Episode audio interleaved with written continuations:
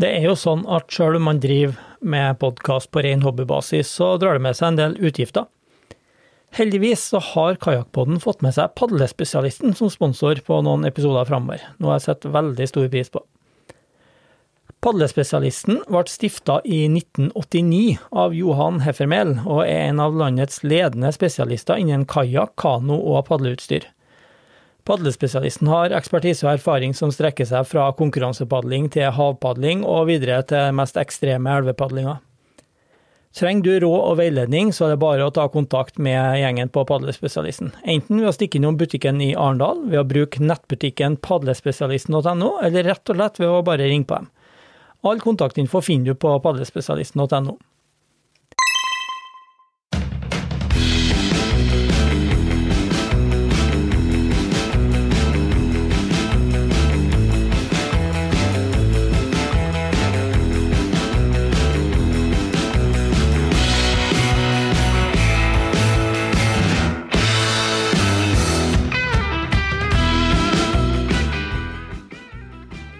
og velkommen til Kajakkpodden.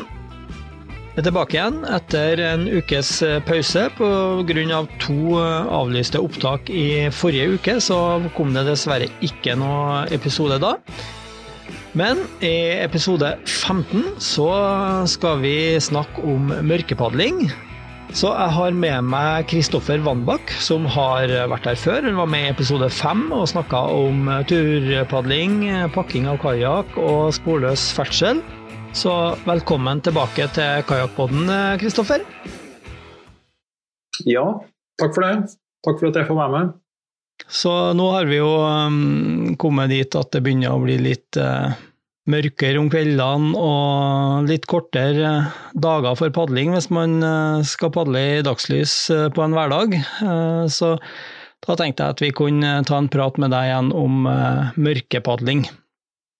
Ja. Men vi kan jo begynne litt med å snakke litt om, om deg. Sist du var med, så hadde du ikke starta med de der standardspørsmålene som jeg stiller til alle gjestene. Så vi kan jo um, dra oss litt uh, gjennom uh, hvem Kristoffer Wannbach er igjen, da.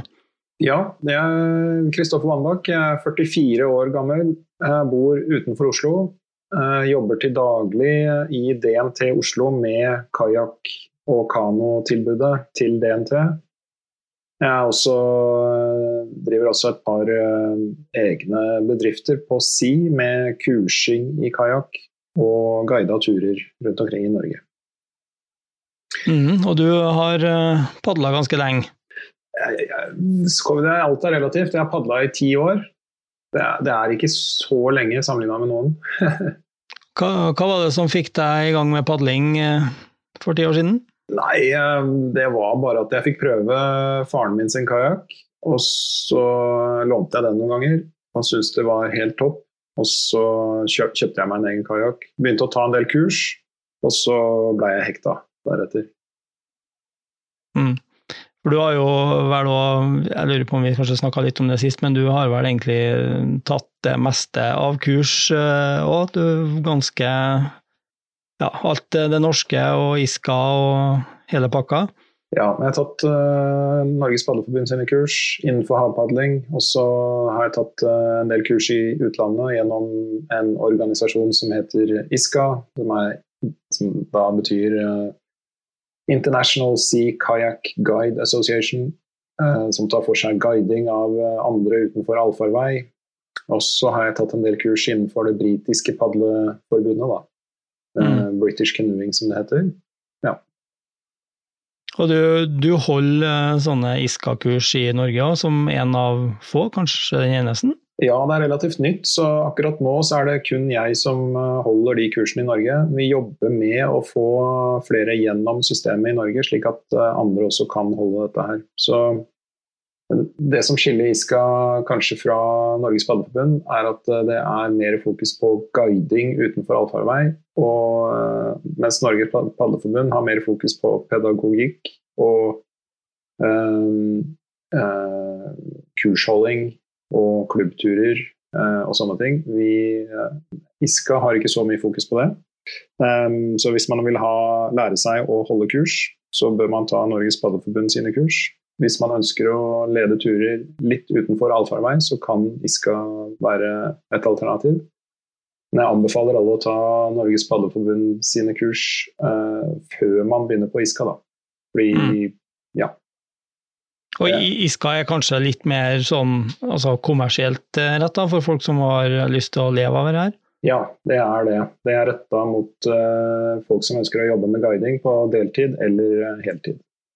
Mm. Og så bruker vi å spørre litt um, om uh, hva slags kajakker man har. Jeg har ni kajakker nå. Uh, de fleste er sånne Rockpool-kajakker. Det er et merke fra Wales. Jeg importerer de til Norge. Jeg har også en del forskjellige plastkajakker fra Valley og um, Jeg bruker de så sjelden, så jeg husker nesten ikke hva de heter. Det er Wilderness Systems, veldig fornøyd med de. Veldig robuste plastkajakker veldig gode til kurs og sånne ting. Mm. Um, ja. Um, Men du har, du har padla ganske mye forskjellig opp gjennom tida. Jeg har jo uh, sett en del av det du har lagt ut på YouTube, og du har vært innom ganske mye forskjellige merker og typer kajakker opp igjennom? Ja da. Er, jeg synes alle de britiske merkene har veldig gode kajakker, stort sett alle sammen. Det er veldig høy kvalitet på de. Veldig glad i Nordkapp LV f.eks. Fantastisk kajakk. var min ja, veldig god kajakk. Ellers er jeg fornøyd med NDK-kajakker til sitt bruk og Rockpool. Taran 16 er en veldig morsom og rask båt som jeg liker veldig godt. Ja. Favoritt uh, padleområde? Da vet du sikkert at jeg kommer til å si Lofoten. Jeg regner med det. Nei, jeg, jeg, det snakka jo vel litt om, om sist. da. Du, padler jo en del i Lofoten og arrangerer turer i Lofoten. og ja. Jeg har sett du har eh, holdt det mye der i sommer òg? Ja, da jeg var der en måned. Det var veldig fint. Eh, favorittområdet er sør-vest-spissen av uh, Værøy. Så kan ikke bli mer spesifikk. uh, har du noen noe spesielle padleminner du har lyst til å trekke fram? Ja, det var første gangen jeg var på sørvestspissen av Værøy. ja, det var fint, fordi du ser eh, nordover, og du ser over til Mosken, og så Moskenes. Og så har du hundrevis av lundefugler, hvis ikke tusenvis, eh, som flyr, flakser rundt over deg, og kanskje ti ørner som svever rundt over deg.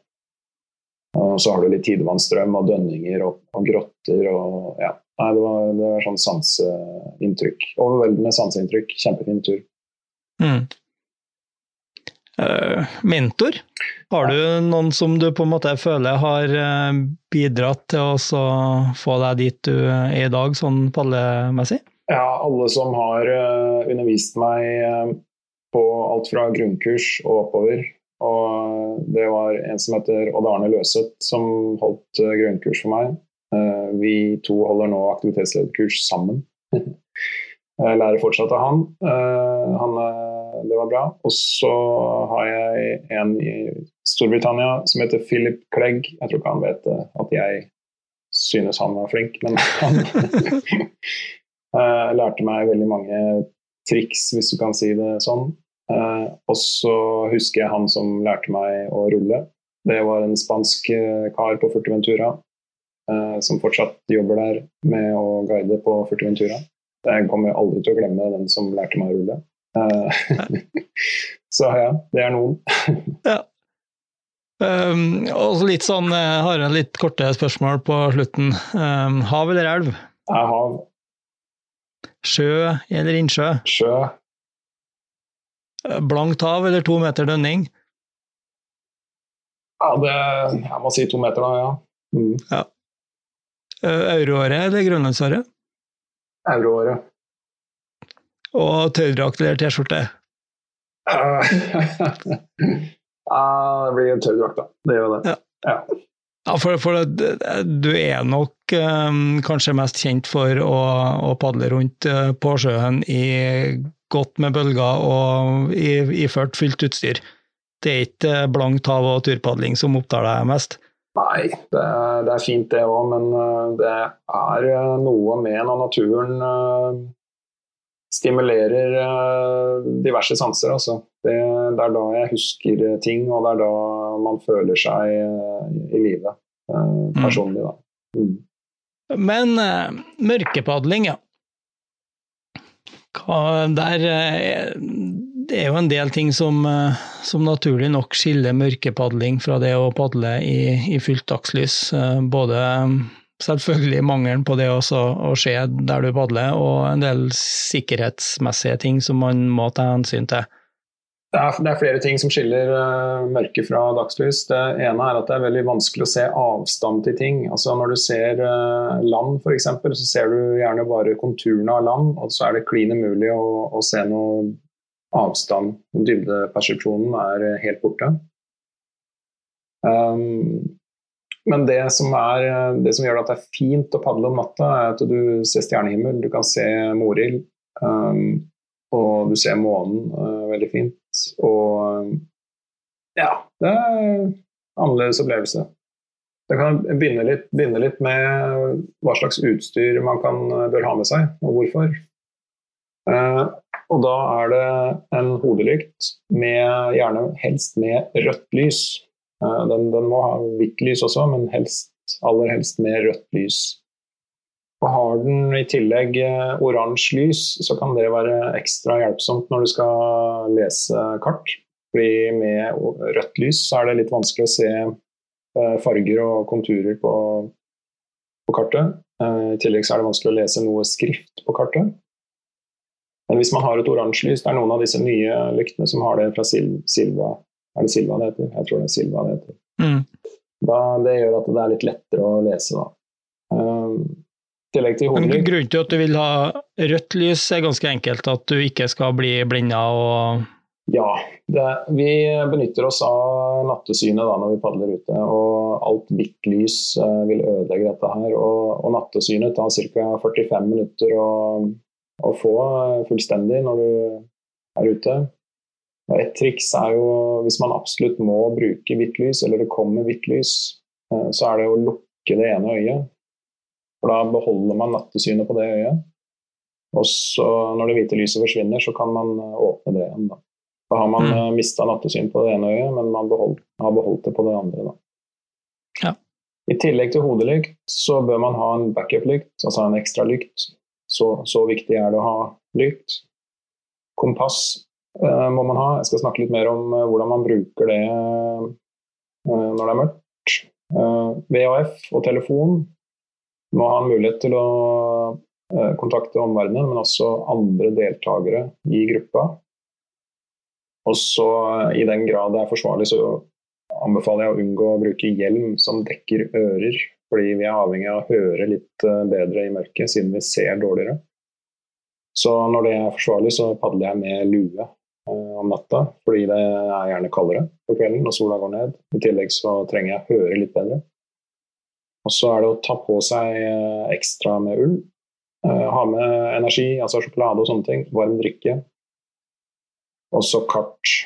Eh, når det gjelder kart, så vil vanlig kart være litt mindre nyttig ofte, fordi det er vanskelig å lese de og, og se konturene av ting. Så et triks er å tegne, ta bakepapir, eller sånn matpapir, ikke bakepapir, men matpapir, og tegne konturene med en blyant.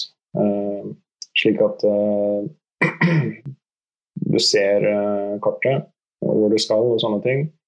Du ser det veldig lett i mørket hvis du tegner over et kart med blyant på matpapir. Så da man, bør man også skrive på uh, kjennemerker på land, altså en fyrlykt f.eks., eller uh, en husklynge eller uh, en skog og sånne ting. Da kan man skrive og tegne, eh, slik at man kjenner igjen disse stedene. Mm. I tillegg til alt dette utstyret her, da, så bør man eh, ha en padleplan som man legger igjen hos noen man kjenner, med, med, navn og telefonnummer til alle som er med. Men også en plan på hvor du har tenkt å padle, og når du tenker å komme hjem. Da.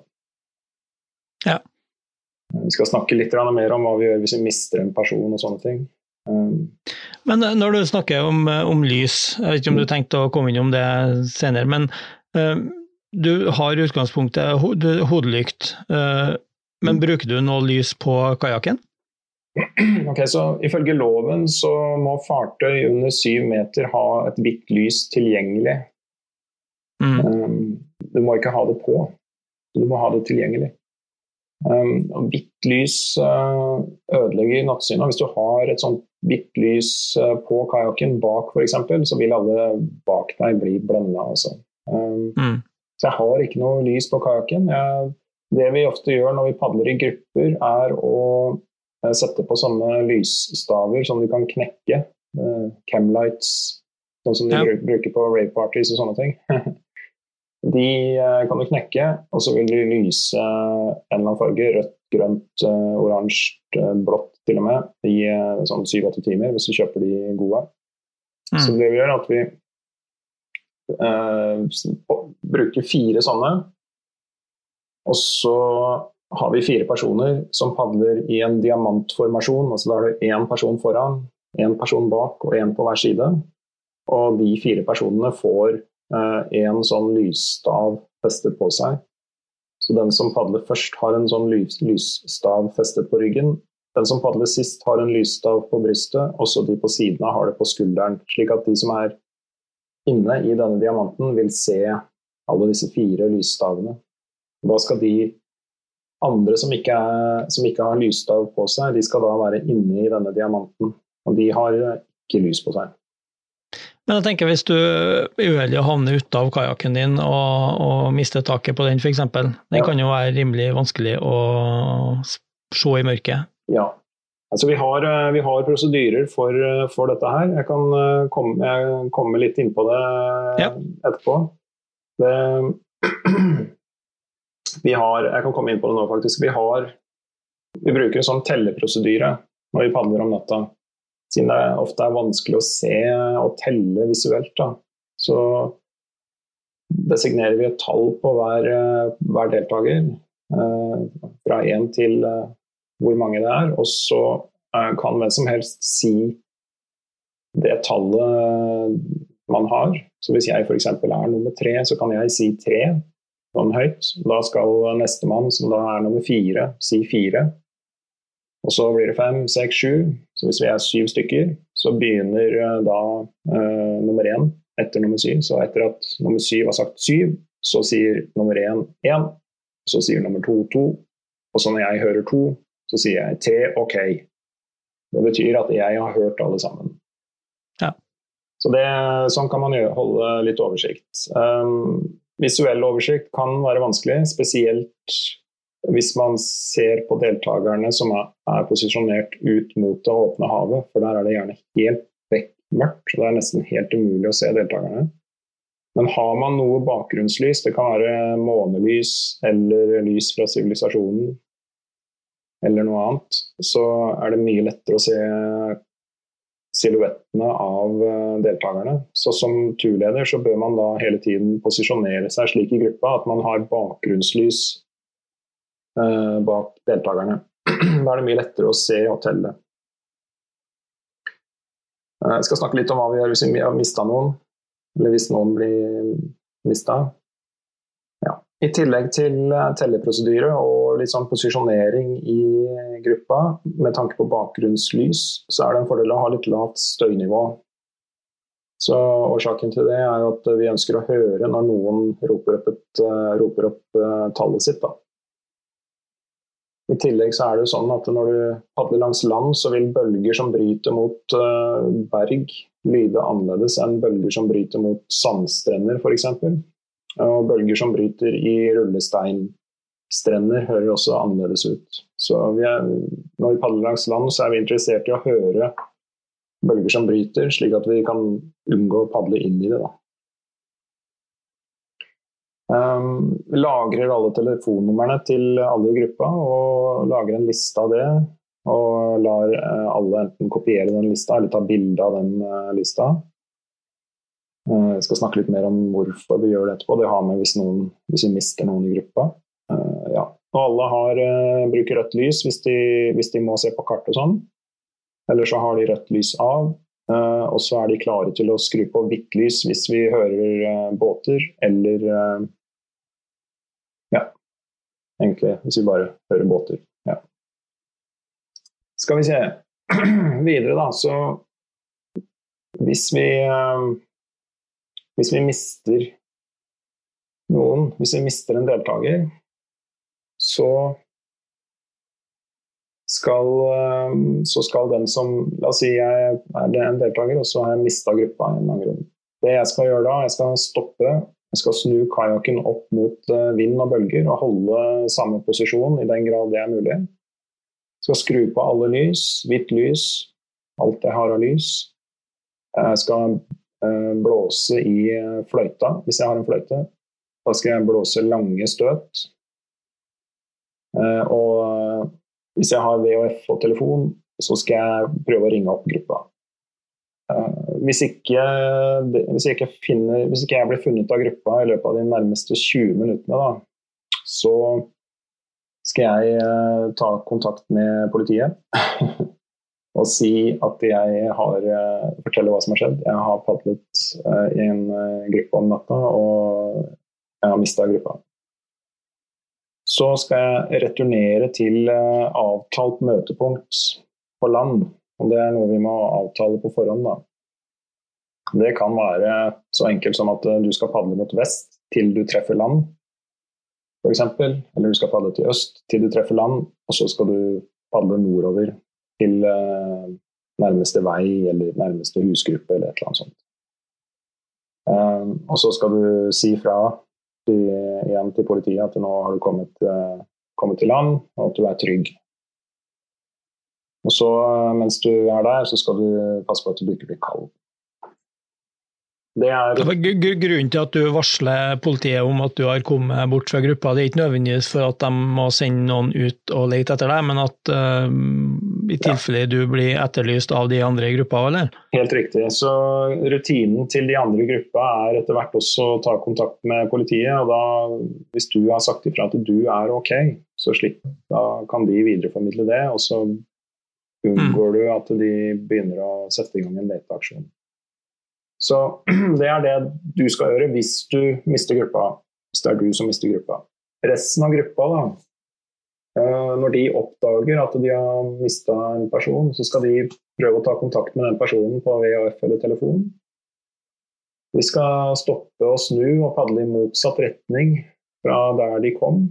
Eh, de, de, beholder samme lys- og lyddisiplin som før, så de skrur ikke på noe hvitt lys, eller noe sånt, for de skal drive og se og lytte etter mm. lydsignalet fra den andre. Eh, og Hvis de ikke finner den personen innen 20 minutter, så er det å ringe ja, 120 eller kanal 16 på, på, VHF eller politiet. Og så er det å returnere til avtalt uh, møtepunkt. Mm.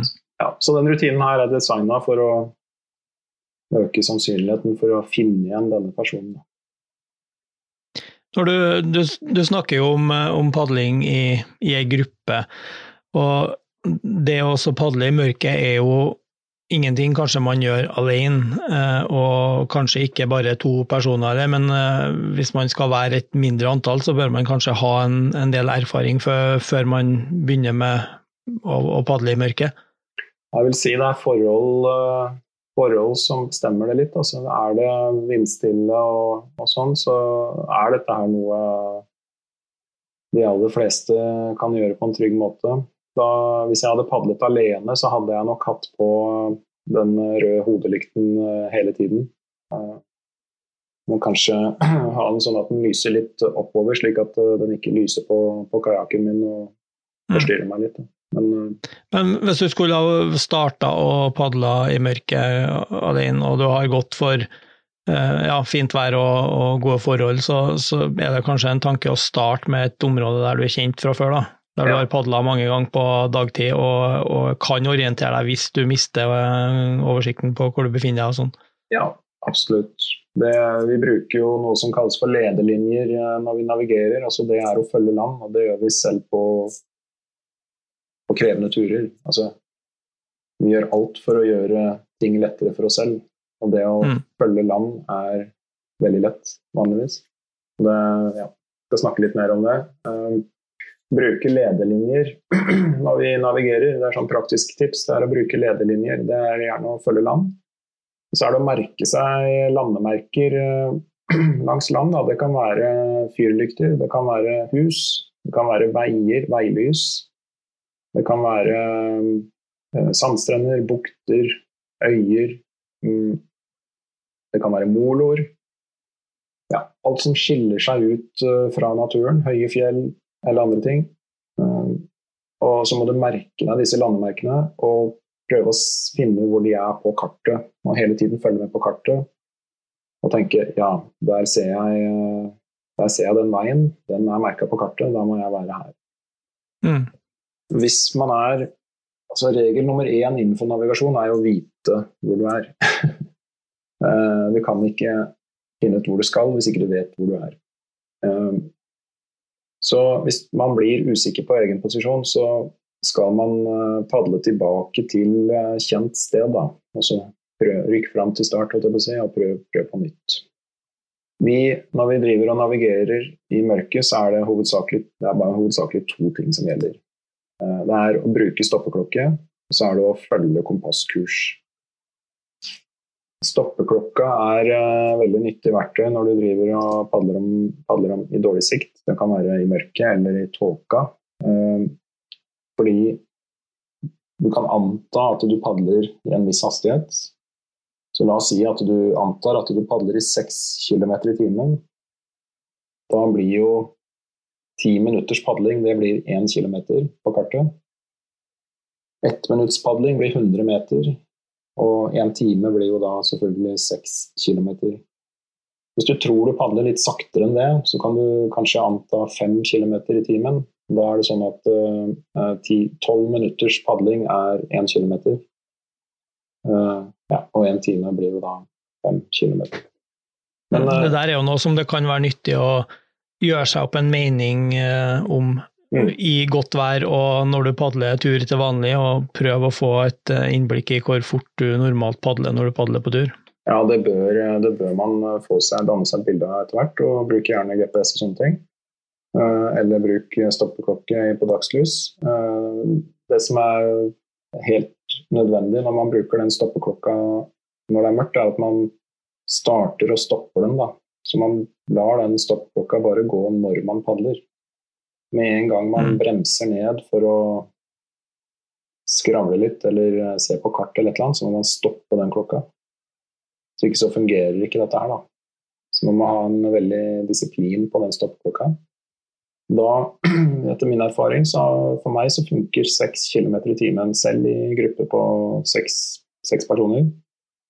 Seks-syv personer, så fungerer det veldig bra.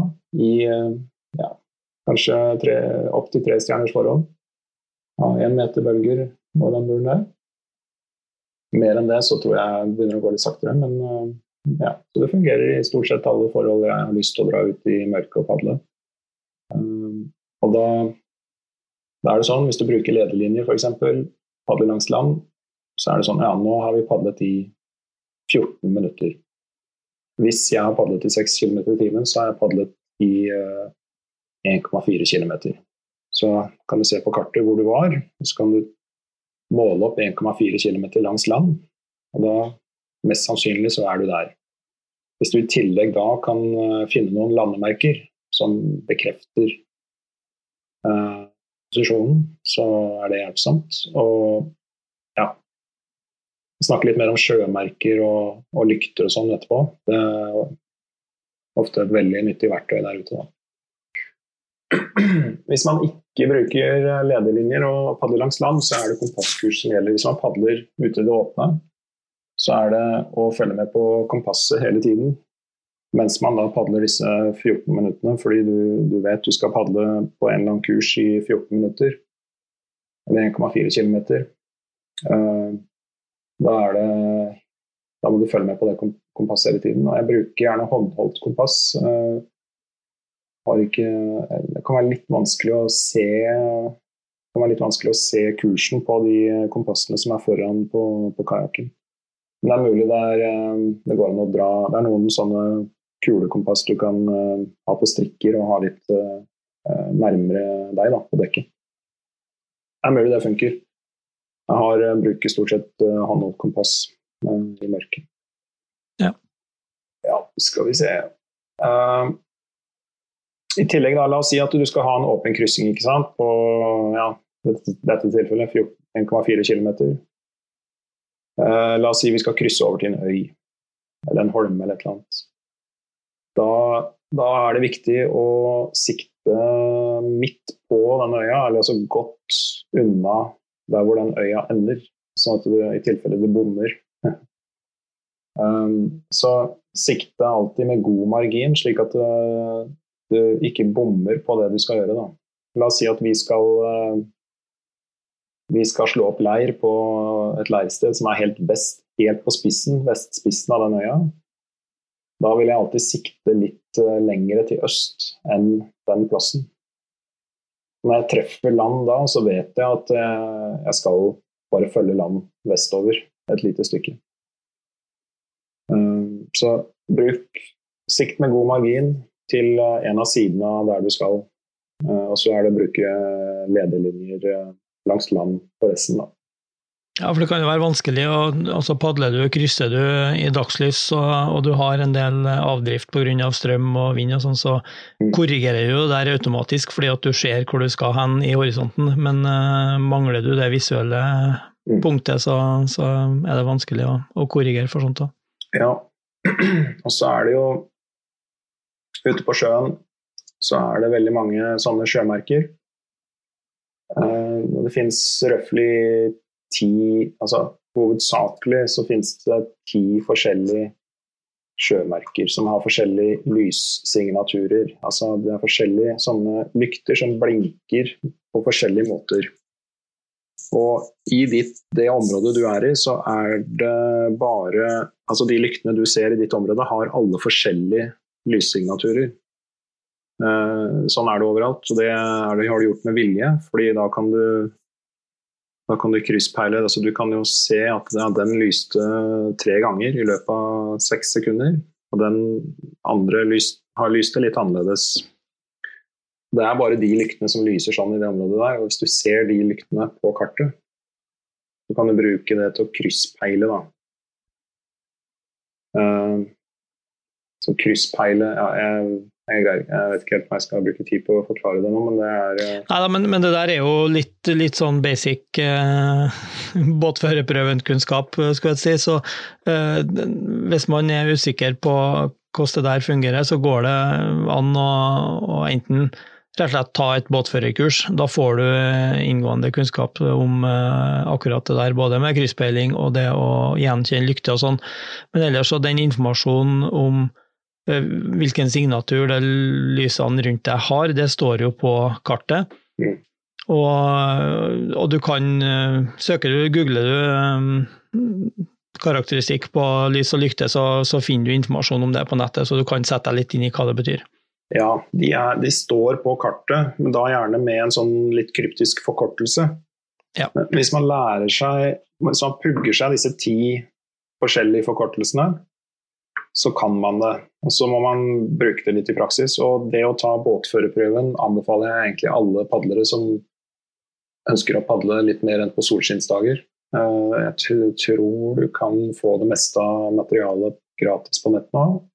I tillegg så er det en app som heter eh, Båtførerprøven eller noe den duren der, som stiller deg sånn 50 spørsmål eh, multiple choice-spørsmål. Du kan sitte på bussen eller T-banen eller hvor du nå sitter, på toget og om morgenen og sånn som jeg gjør, kose meg med den. Og den stiller deg masse forskjellige spørsmål fra båtførerprøven, og så får du svar med en gang du, om du har svart riktig. Mm. da, ja. I tillegg så bør man pugge disse sjømerkesignaturene. Uh, Båtførerprøven heter den appen. Ja, er, om, om, du ikke har tenkt å ta båtførerprøven nå, så er den eh, faktisk veldig fin. Eh, du kan lære mye hvis du sitter og går gjennom de spørsmålene der, som du sier. Ja, I tillegg så har, det, har de fleste så har disse fyrlyktene de har sånne sektorer. Eh, så det betyr at hvis du ser en av disse lyktene lyse grønt, f.eks., så er du innenfor en grønn sektor. Da betyr det Da kan du se på kartet hvor grønn sektor er synlig fra. Da, mm. da, vil du være innenfor denne sektoren. Mm. Så det er, det er, mange hjelpemidler med disse lyktene, fyrlyktene og sjømerkene som uh, har blitt satt opp rundt omkring. Det, det, er kanskje, det er kanskje noe av det beste, beste måten å krysspeile på ute på sjøen om natta. Da har vi snakka litt om hastighet og sånne ting. Det er helt uh, nødvendig å vite hvor fort man padler da, når man bruker stoppeklokke. Pass på å stoppe den klokka med en gang uh, du sakker ned eller stopper klokka. Et annet hjelpemiddel er å lage seg en plan. Og da har man uh, da har man gjerne fra og til, altså det er fra punkt A til punkt B. Og så skriver man ned avstanden der. Og så skriver man kompasskursen. Det er fra punkt A til punkt B. Og så skriver man hvor lang tid uh, man tror det vil ta. Uh, og så skriver man ned uh, møtepunktet på gruppa på den distansen. Altså et trygt sted å møtes. I tillegg så kan man ha en uh, kort beskrivelse av dette her. Det kan være f.eks. Lys langs kysten, vei langs kysten. Det kan være en signatur på en fyrlykt. Uh, og hver gang man endrer uh, kompasskurs, så kan man uh, ha, ha, en ny linje på dette skjemaet. Så da blir det en linje nummer to. Punkt, punkt B til C. Avstand, kurs, hvor lang tid det tar og trygt møtested og en eller annen beskrivelse du synes er fornuftig. Så den, den, planen kan være så kompleks eller så enkel som man mener er fornuftig. Da, da, I prinsippet så kan man, hvis man gjør alt riktig, så kan man da bare følge denne planen blindt. Noen ganger så blir man nødt til det fordi man ikke ser noen ting.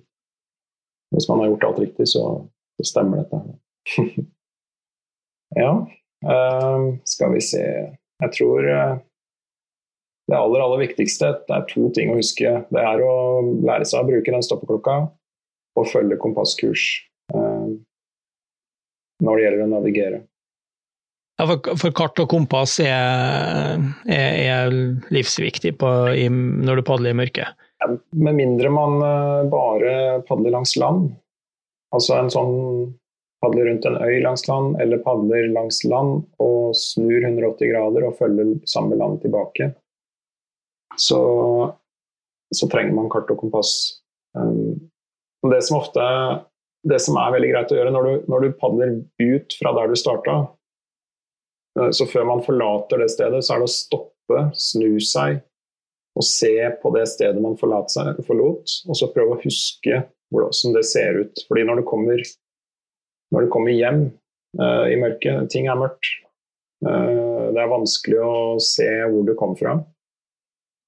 Og trikset er da å snu seg før man forlater uh, der man dro, og huske åssen det så ut. Er det noe lys der? Er det noen bygninger som skiller seg litt ut? Hva det nå er. Husk hvordan det ser ut. For da, ja. Hvis man ikke gjør det, så er det man bare padler utover uten å, å snu seg og se hvordan det ser ut. Og når man kommer tilbake, så ser det, ser det ikke sånn du forventa. Um, ja, En annen ting er uh, når du skal fortelle folk uh, hvor vi skal og sånn. Da er det ofte utrolig vanskelig for folk å forstå hvor du skal. For det første, de ser ikke hvor du peker. Og for det andre, alt er jo svart og ikke sant? På noen få konturer her og der, så det er ganske vanskelig å få folk å forstå hva du mener. Så det du må gjøre da, er å lede blikket til folk. Da må du gjerne finne et eller annet som stikker ut i naturen. Det kan være en, en høyde, den høyeste høyden f.eks. Da må du gjerne spørre ser, ser alle den uh, høyeste toppen. Høyeste toppen i horisonten. Det, det, du kan gjøre enda bedre, er å si er det noen som ikke ser den høyeste toppen i horisonten. Hvis du bare sier er det noen som ser den høyeste toppen i horisonten, så er det tre stykker som sier ja. Og da kan du kanskje bli frista til å gå videre. Så er det kanskje noen som ikke så det, som, som ikke sa noe. Da. Så hvis du sier er det noen som ikke forstår hva jeg mener når jeg sier den høyeste toppen i horisonten, så da får en ja, så må du jobbe litt mer med den personen. Du får nei. Alle, alle tror de eh, ser hva du mener. Så kan du si følg den til høyre.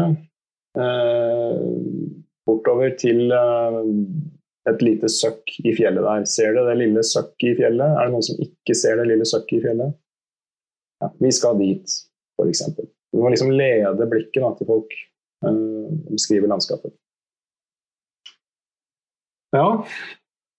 Det, da tror jeg jeg begynner å nærme meg det jeg synes er uh, greit å kunne på nattnavigering og nattpadling. Ja, men det her ble jo veldig detaljert på um, hvordan man trygt skal padle i mørket. Det er uh, altså i litt siviliserte strøk, altså med belysning fra hus og sånne ting, så, så, så kan dette her være en veldig lavterskelaktivitet. Og man trenger ikke å man må si ifra hvor man skal, og man må ha belysning. Og holde seg nærme land uh, og slike ting. Da er det en superaktivitet som kan gjøres av, uh, av veldig, veldig mange. Det, det, er en fin naturopplevelse, spesielt når det er morild og stjernehimmel og ja, sånne ting.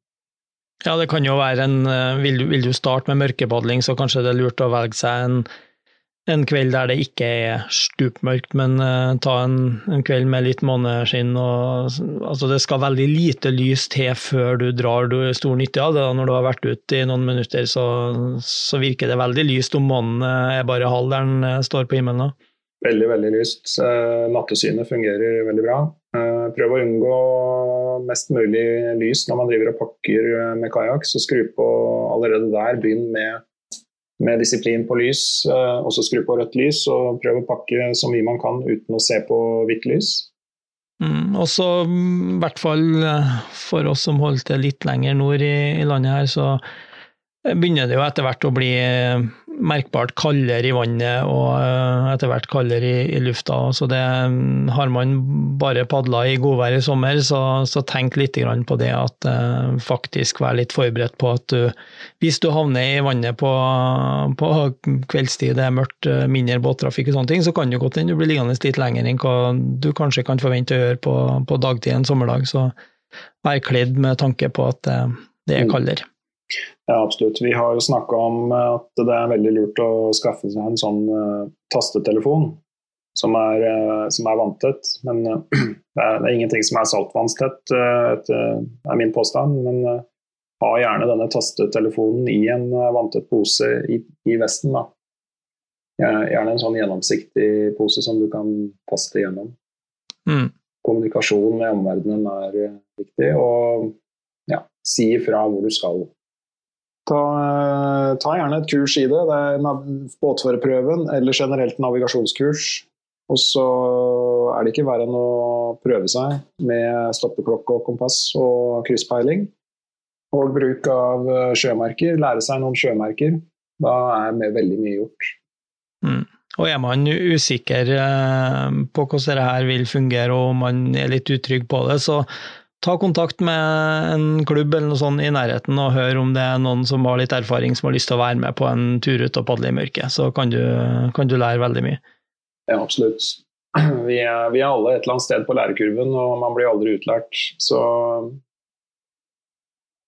det å bli med andre ut er eh, ofte en god, eh, god vei å gå. Da tror jeg vi sier at eh, det var en solid innføring i temaet mørkepadling. Takk for at du ville være med i nok en episode av Kajakkpodden, Kristoffer. Takk for at jeg fikk være med, alltid hyggelig. Og Kajakkpodden er tilbake igjen eh, neste uke. Lover å prøve å få til det nå. Jeg har eh, allerede gjort opptak som nok blir sluppet neste uke. Flere litt eh, spennende temaer står på programmet framover. Jeg har en episode om eh, VHF med Telenor Kystradio. Har planlagt en episode om eh, trening for padlere. Vi skal ha en episode om flatvannspadling, og ennå er det flere temaer på plakaten. Så det blir episoder framover òg. Vi høres.